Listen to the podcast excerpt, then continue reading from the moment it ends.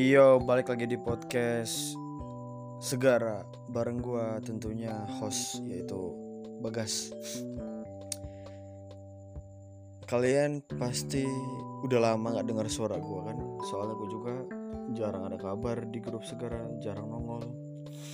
Ya emang gua agak ada kesibukan, bukan kesibukan sih, ada masalah sedikit lah di di real life gua yang mana ini gue sempetin untuk upload podcast. Oh ya ini gue ngerecordnya hari Sabtu tanggal 14 Agustus jam 1 pagi. Kalian sehat-sehat aja kan? Apa kabar nih? Pasti udah tahu dong podcast podcast kita pernah dibajak sama Kak Cindy. Katanya suara dia lebih bagus daripada suara gue ya emang itu faktanya sih. Suara gue kayak kambing disembelih eh, jelek banget.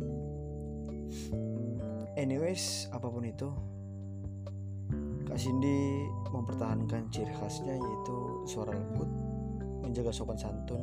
Bicaranya berbeda dengan gue gue nggak ada gue dalam podcast ini ya ya dengan cara gue sendiri yaitu sedikit sedikit ngomong kasar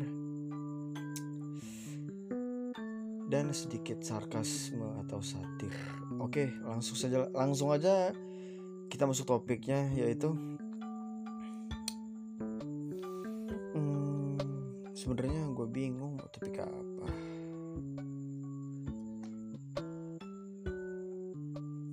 Menjelang Agustus,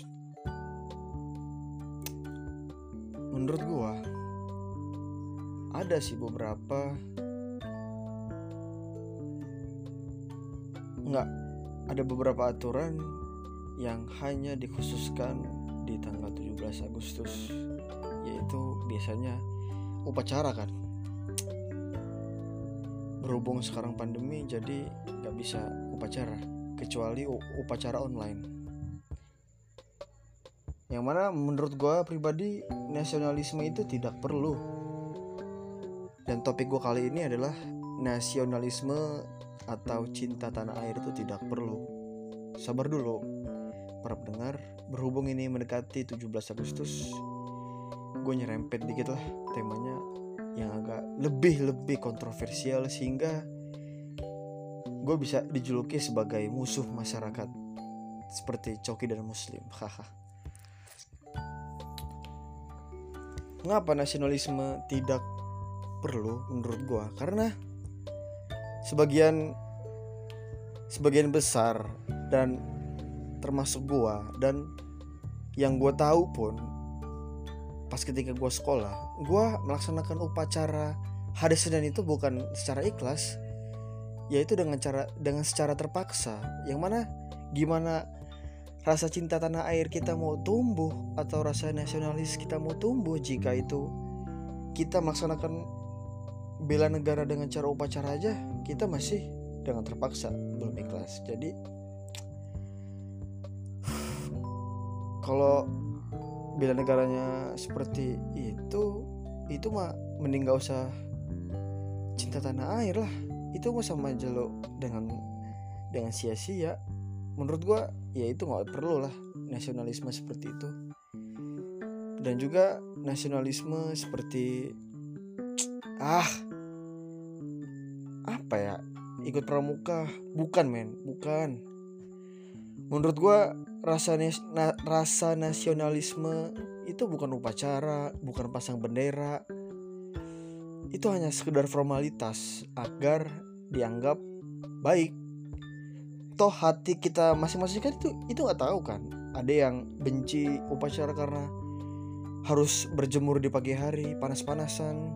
Ada juga ya mereka harus bangun pagi aja gitu kan. Mereka kesel kan dalam hatinya. Eh ngapain sih upacara? Tapi mereka demi mungkin bagi anak murid-murid siswa itu demi ulang demi hasil nilai PKN mereka bagus kan mungkin. Atau bagi guru PNS mungkin itu absen mereka. Makanya mereka terpaksa melakukan nasionalisme atau cinta negara dengan cara melaksanakan ritual upacara bendera aduh.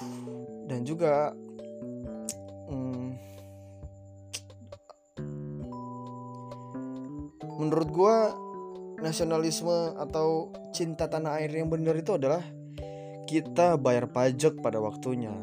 Walaupun gue tahu sebagian besar PNS guru yang mereka upacara itu mobilnya ada juga yang belum bayar pajak kan. Bayar pajak tepat waktu mm, matuhi rambu lalu lintas. Itu menurut gue termasuk cinta tanah air atau rasa nasionalisme yang paling berarti menurut gue ketimbang lu upacara dengan hati lu nggak ikhlas terpaksa mendingan lu matuhi aturan negara ini. Simpelnya yang simpel-simpel aja lah dimulai dari hal kecil. Lampu merah lu berhenti pakai helm. Itu termasuk bela negara dan lu bukan cuma bela negara lu bela bela bela diri lu sendiri dan lu bela orang lain. Saling menyelamatkan lah intinya.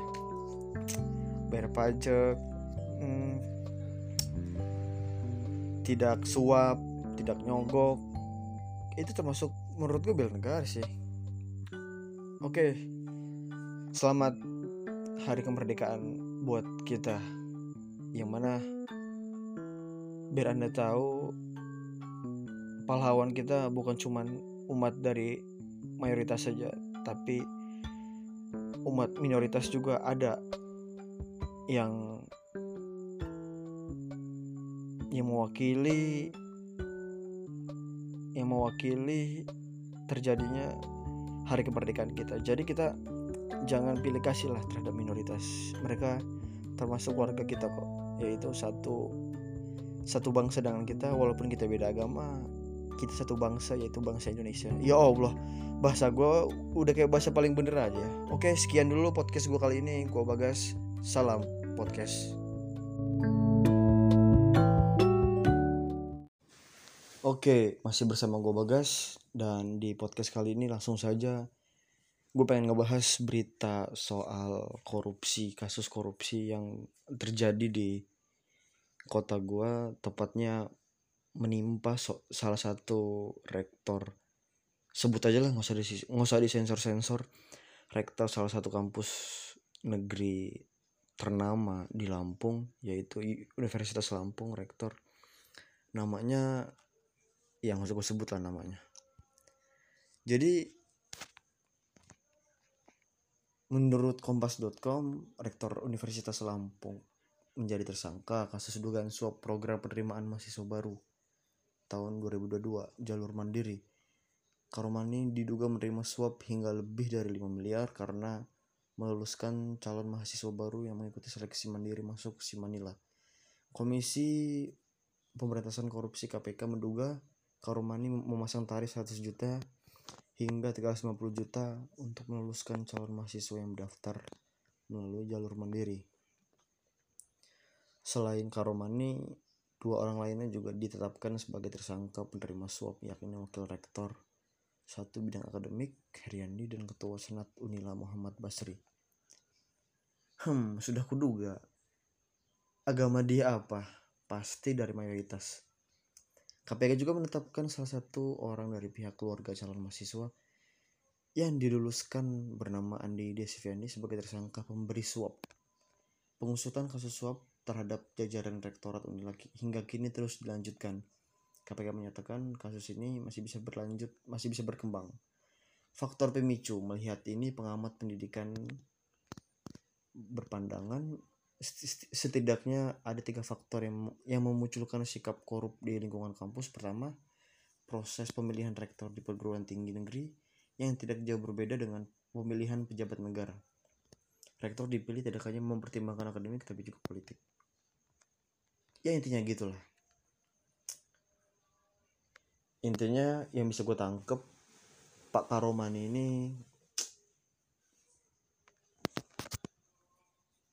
menerima suap dari mahasiswa baru jalur 2022 dan gue yakin pun rektor sebelumnya juga pastilah rektor oknum-oknum rektor sebelumnya di kampus mana pun pasti tiap penerimaan mahasiswa baru itu adalah menerima suap. Ya minimal satu juta lah. Satu juta hingga 350 juta itu uh, taruhlah jurusan kedokteran fakultas kedokteran lah. Dan ini gue pun nggak munafik mungkin. Mungkin oke okay, sekarang gue bisa bilang gue korupsi itu bangsat. Korupsi itu musuh negara. Oke okay. tapi jika gue diberi power sebesar itu men come on men. Siapa yang nggak tergoda men? Lu udah diberi power sebesar itu rektor dan uang ratusan juta di, di depan mata lu dengan sekejap mata lu bisa dapat itu kan? Gue pun gak menafik mungkin gue sangat tergoda apabila gue mempunyai, mempunyai power itu. Dan sekarang aja gue bilang korupsi itu sesat dan korupsi itu berbahaya dan korupsi itu musuh negara bla bla bla. Cuman yang gue sayangkan adalah sifat diskriminasinya netizen gitu kan. Yang mana gue yakin langsung menjudge rektor ini tidak bermoral lah. Malah yang pengen gue jadiin judul podcast adalah menurut gue ya korupsi itu nggak apa-apa lah. Mengapa ya nggak apa-apa. Lagian kan sistemnya kan masih bobrok. Paham gak maksud gue dalam artian sistem sistem untuk memperketat agar tidak korupsi itu masih sangat sangat bobrok, sangat mudah dibobol sama, sama sekali. Sehingga mending saran gue daripada lu meng mengkampen atau mengasih edukasi jangan korupsi jangan korupsi tapi sistemnya masih bisa ditembus ada celah terus ya come on man. Mau sepintar apa pun kita se S1 S3 apa pun kita itu kalau itu kalau kita sudah diberi power pasti ada ada aja muncul ada aja muncul godaan-godaan seperti itu kan jadi menurut gue yang harus di di apa namanya diperbaiki adalah sistemnya agar tidak terjadi lagi korupsi. Bukan malah mengkampen jangan korupsi jangan korupsi. Itu mah sudah basi menurut gue dari zaman dulu pun hingga iklan TV pun ada banyak men iklan lain. Masyarakat jangan korupsi jangan korupsi. Jangan suap bla bla bla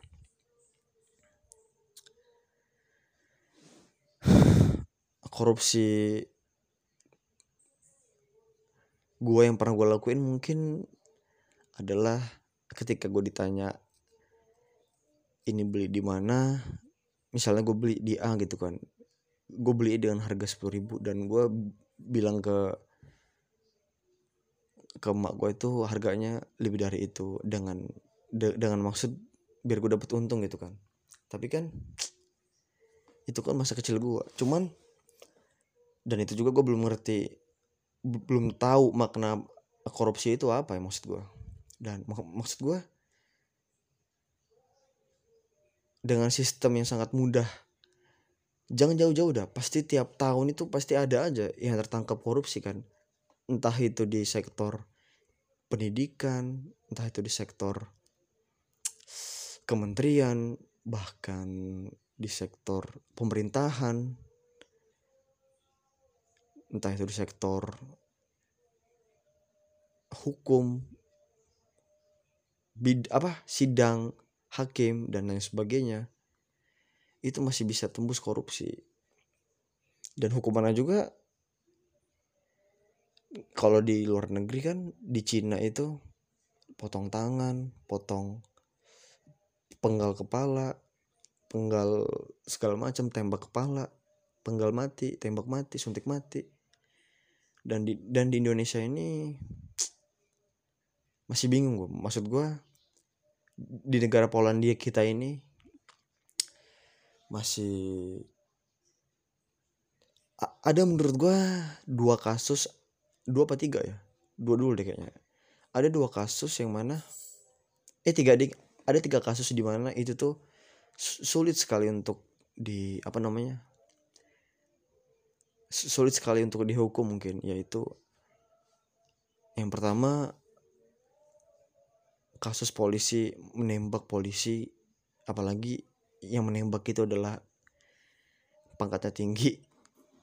Dan yang kedua adalah korupsi tingkat tinggi.